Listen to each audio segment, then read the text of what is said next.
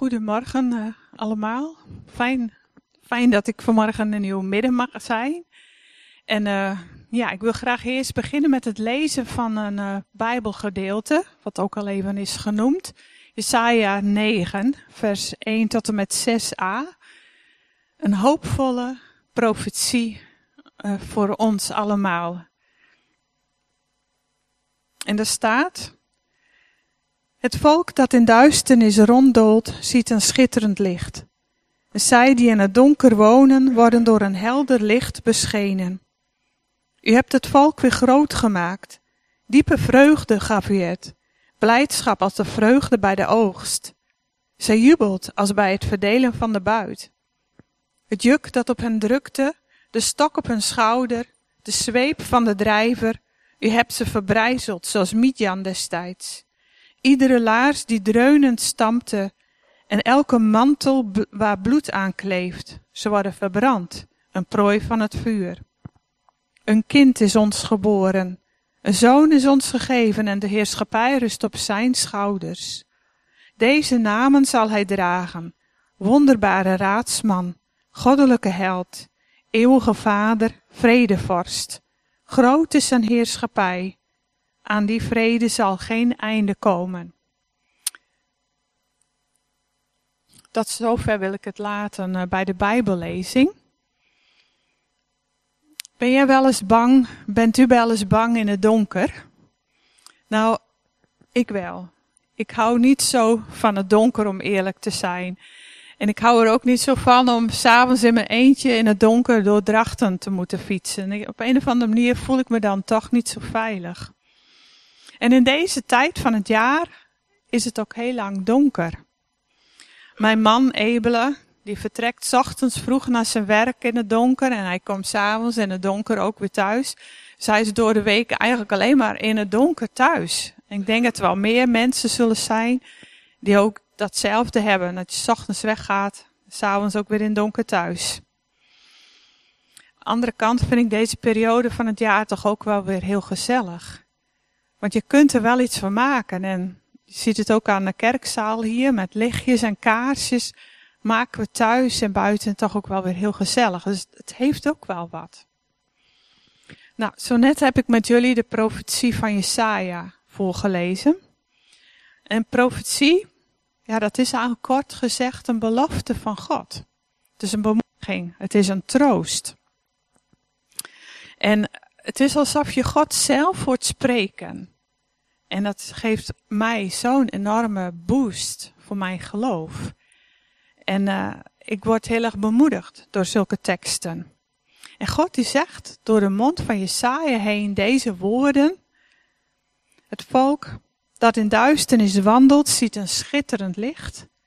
En zij die in het donker wonen worden door een helder licht beschenen. En in de herziene statenvertaling daar staat, zij die wonen in het land van de schaduw van de dood. Dan had ik het net over donker, de donkere dagen voor kerst. En het is natuurlijk letterlijk donker, vroeg donker, maar het kan soms ook figuurlijk donker zijn in je leven. Je leven kan heel donker aanvoelen, omdat bijvoorbeeld je ouders gescheiden zijn en je hebt er veel verdriet van. Of je eigen huwelijk, het gaat niet goed. Of je bent gescheiden. Je bent ziek. Of iemand waar je heel veel van houdt is ziek. Of is inmiddels overleden en je voelt, ervaart rouw, je leeft in rouw. Het kan ook donker zijn omdat je last hebt van depressie. Dat je gepest wordt op school. Omdat je werk op de tocht staat en je het gevoel hebt, en wat nu? Wat voor zin heeft het leven voor mij?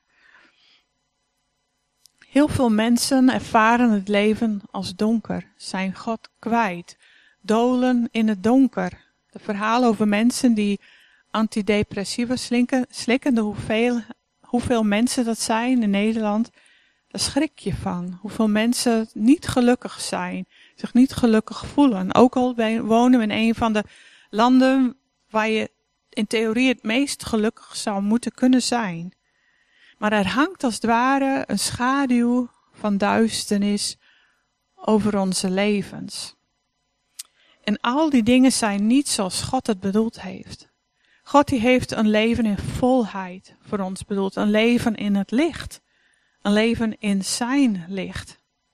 Want licht is heel belangrijk. Zonder licht is er geen leven mogelijk. En als je kijkt naar het begin van de Bijbel, dan zie je al dat God begint met het maken van licht. God zei, er is licht. En er was licht. Maar het rare was, er was nog geen maan, er waren nog geen sterren, er was nog geen zon. God zelf was het licht. God is licht.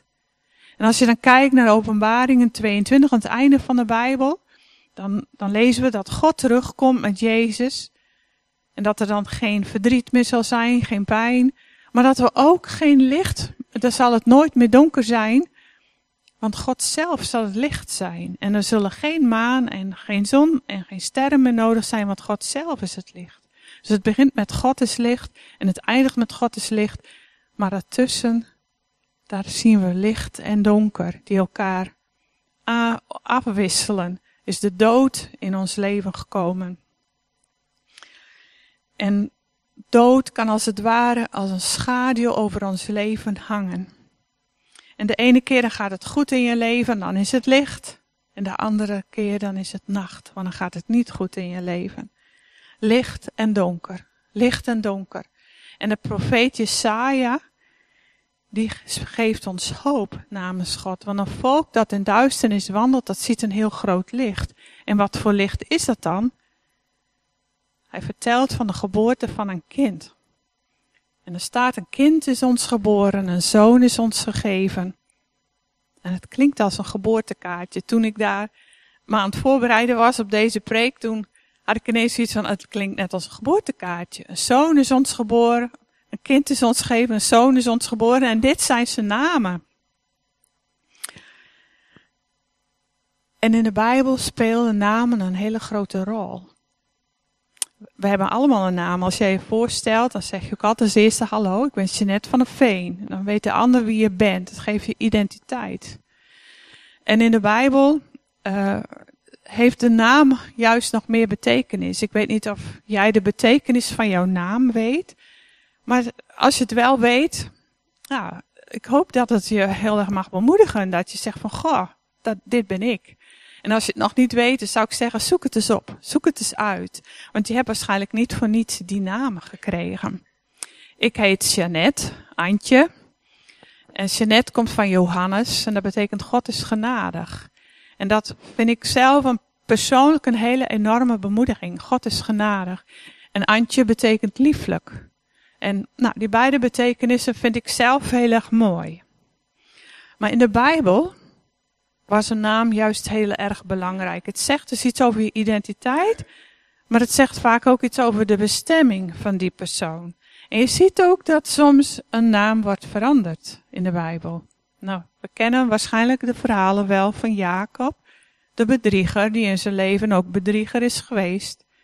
Maar later noemt God hem Israël, strijder voor God. En denk aan Simon, de discipel van Jezus. Hij die God heeft gehoord, betekent dat. Maar Jezus zegt tegen hem, ik noem jou Petrus, de rots. Het zijn prachtige veranderingen en prachtige namen. Ik bid de laatste tijd uh, met mensen. En het is alsof God mij bepaalt bij de naam van mensen. En een paar weken geleden mocht ik voor een vrouw bidden. En het was alsof God zei, vraag eens naar haar naam. Dus ik vroeg haar naar haar naam. En, ik vroeg, vraag eens naar de betekenis van haar naam, zei God. En ze heette Leni. Ik weet niet of hier Leni's zijn vandaag. Maar ze wist wat de betekenis van haar naam was. Lichtdrager. En ik viel bijna van mijn stoel. Ik zei oh, wat een prachtige naam heb jij. En het was alsof God haar wilde bepalen opnieuw bij de betekenis van haar naam. Dit is wie jij bent. Je bent een lichtdrager. Je bent heel waardevol. Je bent prachtig. En draag, je mag weten dat je dat ook uit mag dragen. En het was voor haar ook een enorme bemoediging. Het heeft haar heel goed gedaan. Een paar weken later mocht ik opnieuw voor iemand bidden. En deze man, die heette Paul. En het was opnieuw alsof God zei, vraag eens naar zijn naam, de betekenis daarvan. En ik vroeg hem, ken je de betekenis van jouw naam? Hij zei, ja, dat betekent geringe, onbeduidend, maar ook gezondere. En het was alsof ook God tegen deze man wilde zeggen, denk niet te gering over jezelf. Je bent niet onbeduidend, je bent heel belangrijk voor mij en weet dat ik jou zend. Je bent een gezondere, je mag mij brengen. En ook voor deze man was het zo'n bemoediging. Ergens weet je het wel, en toch zakt het weg. Maar het is dan God die zegt, ik herinner jou aan je naam die je eigenlijk hebt. En God zelf heeft heel veel namen. Het viel me op zo net in de liederen die we hebben gezongen, hoeveel namen van God wij al hebben bezongen. Hoeveel namen van God al langs zijn gekomen. En als je God echt wilt leren kennen, dan wil ik je het advies geven, verdiep je eens in de namen van God. Want die namen van God zeggen iets over wie God is. En volgens mij raak je dan diep onder de indruk van wie God is. En van wie Hij voor jou wil zijn. Maar God wil ons vanmorgen bemoedigen met die vier namen die Hij aan zijn zoon heeft gegeven. Wonderbare raadsman, uh, wonderbare raadsman, goddelijke held. Ik, ik wist ze vanmorgen nog uit mijn hoofd. goddelijke held, eeuwige vader, vredevorst. En ik wil per naam wil ik daar even iets over zeggen. We beginnen bij wonderbare raadsman. Een raadsman is iemand die je ja, letterlijk om raad kunt vragen. Je hebt ook wel in het nieuws dat een raadsman iets vertelt, onderzoek heeft gedaan. Maar Jezus is echt een raadsman. Een, iemand die je om raad kunt vragen. Dan zeg je ja, oké, ja, dat kan ik zelf ook wel verzinnen. Maar Jezus is een wonderbare raadsman. Want er is iets bijzonders aan Jezus. Jezus is God. En God weet alles. Maar hij is ook mens geweest. En hij weet wat het is om mens te zijn, om te leven in een wereld waar de duisternis van de dood overheen hangt, waar het donker is, omdat Satan hier de heerser van deze wereld is. En hij is gekomen als kindje in de kribbe, midden, je zou kunnen zeggen, in oorlogsgebied. Dus hij weet wat het is. Hij weet wat het is om in de steek gelaten te worden, om mishandeld te worden, om niet begrepen te worden, om hij heeft al onze ziekten gedragen. Hij weet wat het is om door God verlaten te zijn. Dus hij weet alles en je kunt met alles bij hem terechtkomen. En hij is daar ook op zijn eigen wonderlijke manier, wonderbare manier mee omgegaan. Vaak zijn wij te trots om om raad te vragen. We hebben zoiets, ach, ik red mezelf wel. Ach, maar ik moet niet zo zeuren. Of ik weet het wel. Ik heb geen hulp nodig. Maar ik weet uit eigen ervaring hoe goed het kan zijn om God om raad te vragen. En ik wil een persoonlijk verhaal met jullie delen om te laten zien hoe het werkt. In ieder geval voor mij. Een paar weken geleden zat ik ergens mee. Ik maakte me heel veel zorgen ergens om. En ik had de hele nacht er ook niet van geslapen. Echt wakker gelegen. En de volgende ochtend ik deed het huishouden, ik was aan het stafzuigen en ik had echt zoiets, nou, ik was maar aan het piekeren. Ik kwam er niet uit. En ik had zoiets, en nu is het afgelopen. Zodra het huishouden gedaan is, dan ga je naar Jezus. Je gaat hem maar vragen. Dus ik ben gaan zitten en ik heb mijn hart uitgestort. En voor mij is het zo dat ik volledig mezelf ben bij Jezus. En als ik moet huilen, dan huil ik. En als ik alles er in één keer uit moet gooien, dan doe ik dat. Want ik weet dat hij naar mij luistert en mij niet veroordeelt. Hij is bij mij. Dat voel ik dan ook echt. Dus ik heb gehuild. Ik heb verteld waar ik mee zat. Maar voor mij is het dan ook belangrijk om terug te horen van wat zegt God nou tegen mij. Want ik kom toch om raad. Dus ik heb hem gevraagd. Hoe kijkt u naar deze situatie? Wat wilt u mij meegeven? Wat, wat wilt u zeggen? Hierover. En ik krijg beelden van God. God neemt mij mee. En God nam mij mee naar mijn kindertijd. En ik zag mezelf spelen op de grond in onze woonkamer samen met mijn oudere zus. En we waren met de Barbies aan het spelen, zoals kinderen spelen. En ik had een Barbiepop in mijn handen en ik was de haartjes aan het kammen en ik deed de Barbiepop mooie kleertjes aan. En ik was heel mooi aan het spelen. Ik was een kind. En ik was onbevangen als een kind op dat moment. En het was alsof God tegen me zei: Ik wil dat je weer teruggaat naar toen. Toen als je een kind was. Zo onbevangen, je speelde als een kind. En ik zorg voor jou. Zoals jij voor die pop zorgde en haartjes kamde en de kleren aandeed. Zo zorg ik voor jou. Wees niet bang. Want ik was eigenlijk bang. Wees niet bang. En het rare was, oh ja, mooi eigenlijk, alles waar ik me zorgen over maakte, waar ik bang voor was, het viel helemaal van me af. Maar dat niet alleen. Ik probeer sindsdien ook echt terug te denken aan wat God mijzelf heeft gezegd. Probeer zo onbevangen te zijn, vertrouw op mij. Dat ik nu, elke keer als ik het nu weer ergens tegenaan loop, denk ik aan dat. En probeer ik te leven als een kind in het vertrouwen dat God voor mij zorgt. Ik vond dat zelf een wonderbare raad.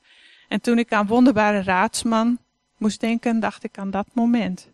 En ik, nou ja, ik heb het heel graag met jullie willen delen. Omdat het zo kan werken. Misschien spreekt God op een andere manier tegen u, maar zo werkt het voor mij. En de volgende naam van Jezus is goddelijke held. En we zijn allemaal gek op helden. We zijn allemaal op zoek naar helden. En hoeveel films zijn er wel niet die gaan over helden? Superman, The Avengers. Maar er is maar één echte held. En dat is Jezus. Maar hij is een heel, van een heel andere soort. Want zijn superpowers zijn van een heel andere soort dan van Superman. Want Jezus genas zieken. Hij dreef demonen uit. Hij wekte doden op. Maar hij gaf ook zijn eigen leven om de mensheid te redden. Jezus heeft echt de mensheid gered door zichzelf te geven. En hij is opgestaan uit de dood. Dat is echt een goddelijke held. Bij Jezus zijn we veilig. En ik zei net, we zijn soms veel te trots om naar Jezus toe te gaan. Vooral mannen hebben moeite om zichzelf kwetsbaar op te stellen. We houden liever onze maskers voor. Maar God kijkt dwars door onze maskers heen, maar Hij is ook God. Hij zal zich niet aan je opdringen, maar weet wel, bij God hoef je niet beter voor te doen dan je bent, maar ook God kan je beter helpen als jij durft toe te laten dat ook jij zwak bent. Want in je zwakheid kan God door jou heen werken en word jij machtig door Hem. De naam, derde naam is Eeuwige Vader. Als je er eerst over nadenkt, van wat apart. De Zoon die de Eeuwige Vader is. Maar Jezus was en is al van de eeuwigheid. Hij is er al vanaf de schepping bij. Vader, Zoon en Heilige Geest waren bij de schepping en zullen net tot in eeuwigheid zijn. Dus hij is eeuwig. Maar Jezus zei ook, ik en de Vader zijn één. En heb je mij gezien, heb je de Vader gezien. Hij heeft het vaderhart van God laten zien. Dus Jezus is ook de eeuwige Vader. En de laatste is vredevorst. Bij vrede, ik weet niet waar u of jij aan denkt, maar bij vrede in eerste instantie dacht ik altijd, vrede dat is afwezigheid van oorlog, als er geen ruzie is. Maar wij leven al zo lang in vrede in Nederland, maar kennen wij echt vrede? Er is nog heel veel onvrede. Onvrede zit, het zit van binnen in ons hart. En ook al is er geen oorlog, dus wij leven in vrede, is er geen vrede. Dus vaak bitterheid, wrok, onvergevingsgezindheid, jaloezie, noem maar op wat leeft in ons hart. De vrede die God bedoelt, die gaat veel dieper dan aanwezigheid van oorlog. God die wil het hebben over ons hele mens zijn. Over onze geest, onze ziel en ons lichaam. Heelheid op alle vlakken van je leven. Dat is de shalom, zoals dat ook in de Bijbel wordt genoemd. Eigenlijk is vrede een persoon. Als je in Jezus gelooft, dan komt Hij in je hart wonen. Dan komt Jezus, de vrede, de persoon in jouw hart wonen. En hij gaat je leren om vrede te ervaren onder alle omstandigheden. En dat is ontzettend moeilijk. Dat weet ik uit eigen ervaring. Maar God wil ons leren, Jezus in ons hart, dat ook al heb je geen werk, ook al gaat het niet goed in je huwelijk, ook al voel je eenzaam, maak je zorgen om iemand die jou lief en dierbaar is, dat je vrede is omdat de persoon van vrede in jouw hart woont. En ik denk dan vaak aan dat beeld van Jezus, die met zijn discipelen in een boot voer op het meer van Galilea. En er kwam een storm en het was levensbedreigend, maar Jezus sliep. En de discipelen waren volledig in paniek, maar Jezus was in volledige vrede. En hij had ook al zoiets van, waarom waren jullie bang? God is erbij. En ik, het klinkt zo makkelijk en dat is het niet. Maar ik zeg wel heel vaak tegen God, Heer, ik wil zo zijn als Jezus. Dus welke storm er ook in mijn leven is, dat ik kan slapen, symbolisch dan, in alle vrede, omdat u bij mij bent. En dat leer met vallen en opstaan. Er is ook een heel mooi verhaal dat hierover gaat. Want er was eens een koning en die loofde een beloning uit dat hij een schilderij wilde hebben waarin de schilder aan hem precies kon uitbeelden wat vrede is. En er waren uh, allemaal schilders, die maakten een prachtig schilderij en die stuurden ze op naar de koning. En de koning koos uit die, twee, uit die schilderijen twee, waar hij dan uiteindelijk de winnaar zou kiezen. En op het eerste schilderij was een prachtig meer te zien en de bergen op de achtergrond. was rustig en dreef een wolkje door de lucht. Het hele schilderij ademde vrede uit. Maar op het andere schilderij, daar zag je rotsen en onweer en het waaide en het, en het regende. Er was verschrikkelijk storm. Maar tegen een rotswand zat een nestje. En op dat nestje zat een vogeltje rustig te broeden op zijn ei. En die was vrede, ondanks dat er heel veel onrust om hem heen was. En de koning koos uiteindelijk dat schilderij, want hij zei, dit is het schilderij dat ik zocht. Want vrede vind je niet altijd in prettige omstandigheden. Vrede is als een kalm hart te midden in een storm.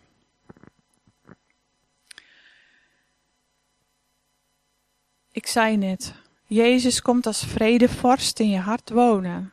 En ik moet mezelf er ook steeds aan herinneren, en ik weet niet hoe het met u zit, maar dat overal waar ik ben, neem ik Jezus mee. En dat vergeet ik zo vaak. Maar overal waar wij komen, is het nou in je gezin, op school, in de winkel, op straat. Jij brengt Jezus, de vredevorst. En ik geloof dat wij geroepen zijn om niet alleen Jezus aan te nemen als onze vorst van vrede, maar ook dat uit te delen. En dat we Hem gaan vragen, Heer wilt u mij helpen om een plek te zijn waar u kunt wonen in mijn hart, maar ook om het uit te delen in de wereld. Want ik had het net over Leni, de lichtdrager, betekent haar naam. Maar ik geloof dat wij allemaal lichtdragers zijn. En dat waar wij komen, net als met de vredevorst die wij meedragen, dragen we ook het licht. Jezus zei zelf, ik ben het licht der wereld. Dat wij het licht uit mogen stralen overal in de wereld waar het donker is. Vind het ook prachtig van, van het gezin Johnson, wat er vanmorgen bij ons is, dat zij licht mogen verspreiden in India.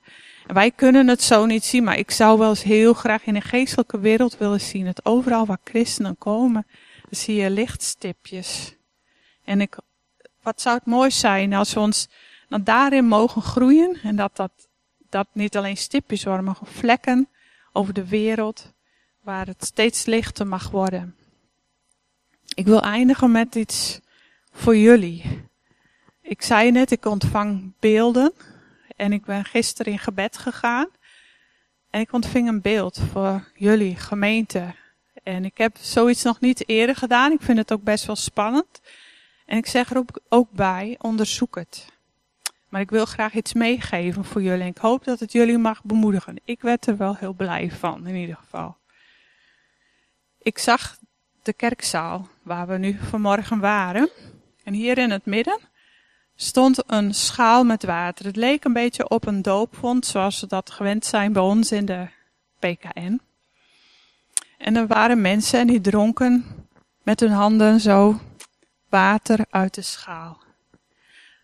Maar het water begon ineens heel erg te bewegen, spetteren. Het was onrustig. Toen werd het weer stil en kalm. Toen kwam Jezus erbij staan. En hij zag zichzelf weerspiegeld in het water. En het was alsof Jezus wilde zeggen: Het is een gemeente waar je mag drinken uit de bron van levend water. En dat hebben mensen ook altijd gedaan. Maar er is een tijd geweest waarin het heel moeilijk is geweest. Waardoor het water heel ging spetteren en sputteren. En je kon ook niks weerspiegeld zien in het water. Is een periode geweest waarin het moeilijk was om elkaar te zien, maar ook God. Maar er is weer rust gekomen. En God, Jezus, ziet zichzelf weerspiegeld in jullie. Maar het beeld was nog niet afgelopen. Jezus tilde de schaal op naar boven, naar de hemel. En de woorden die in mij opklonken waren trots en dankbaar.